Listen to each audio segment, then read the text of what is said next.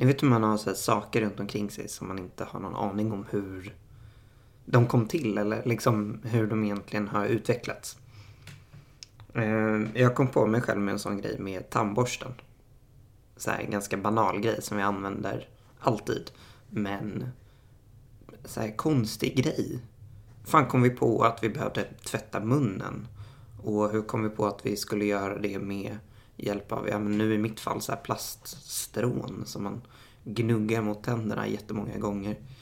Eh, två gånger om dagen och sen sköljer med någon flår och, och in med tandtråd och. Alltså, någon måste ju ha suttit och tänkt, hm, jag har ont i munnen. Hur hjälper vi det? Och sen så försökt. Så jag, jag började eh, googla omkring och hamnade på Wikipedia. Där det blev ganska tydligt att eh, Eh, det finns en föregångare. Som, eh, det var någon form av pinne som man tuggade på. Som, som liksom på något sätt renade munnen, ish. Eh, men det var tydligen inte så bra så att man, man i Kina och Japan var det någon som tog fram att så här, ah, men om vi trycker igenom små jag tror det var grishår. Alltså så här, hår som grisen har på ryggen. Rakade man av och sen så satte man i dem i pinnar. Eller ben, tror jag till och med det var från början. Alltså inte pinnar utan du, du hade ben från olika djur och så satte du i de här stråna och så borstade du. Och det kom till Europa genom att man handlade och då var det fler som tog med sig dem. Och ehm, ja, men därifrån har det gått. Samtidigt, eller ganska parallellt, så finns det bevis för att en ehm, engelsk brottsling i fängelset istället för att eh, ja, men i, i, när, när han var i fängelset så behövde han tvätta munnen. Och de flesta tog en handduk och så satte de, virade de runt pekfingret och gnuggade. Um, vilket jag tycker var ganska så här, genialiskt. Varför tänkte ingen på det tidigare? Skitsamma. Um, och ja, men han, han klippte av eh, de små fransarna liksom på hand, hand, handduken. Eh, och så fick, sparade han ett ben från eh, maten som han hade fått.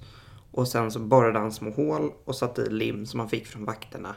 Eh, och så hade han en tandborste liksom. Och när han sen kom ut så blev han svinrik. Och, eh, för att han sålde, massproducerade det här och sålde det. Och eh, eh men det företaget som han startade då finns fortfarande kvar. De säljer över 70 miljoner tandborstar eh, om året i eh, vad heter det? Storbritannien. Och så här, den utvecklingen den tog alltså så här jättemånga år. Det var först på 1700-talet som man började använda, alltså som det blev kommersiellt användning av, av tandborsten. Och sen kom eh, eltandborsten. Jag har inte riktigt eh, fått reda på när, men jag skulle gissa på 70-80-tal kanske.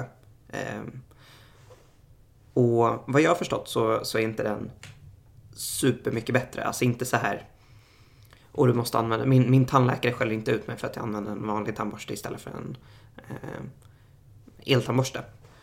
Så att utvecklingen har ju liksom inte... Liksom, det, det, har inte utvecklats till den punkten att vi inte använder tandborstar längre. Så min, min fundering, jag, jag spann iväg på liksom, vad blir nästa grej? Så här kanske är det ett piller som vi tar som bara så här... Och så är vi rena i munnen. Eller så är det någon eh, eh, bakterie som vi injicerar. Vi vaccinerar oss mot eh, eh, att ha en smutsig mun. Alltså någon bakterie som typ käkar upp karies eller någonting och käkar upp bakterierna som vi har i munnen.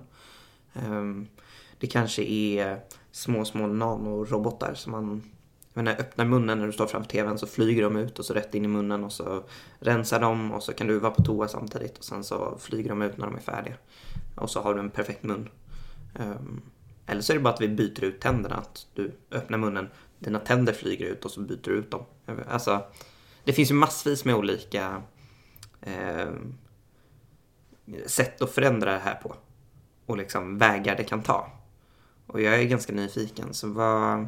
min, min fråga idag är egentligen att applicera den tanken på all, så många grejer runt dig som möjligt. Hur skulle det här kunna utvecklas? Och Eh, så här, vad skulle du vilja utveckla och på vilket sätt?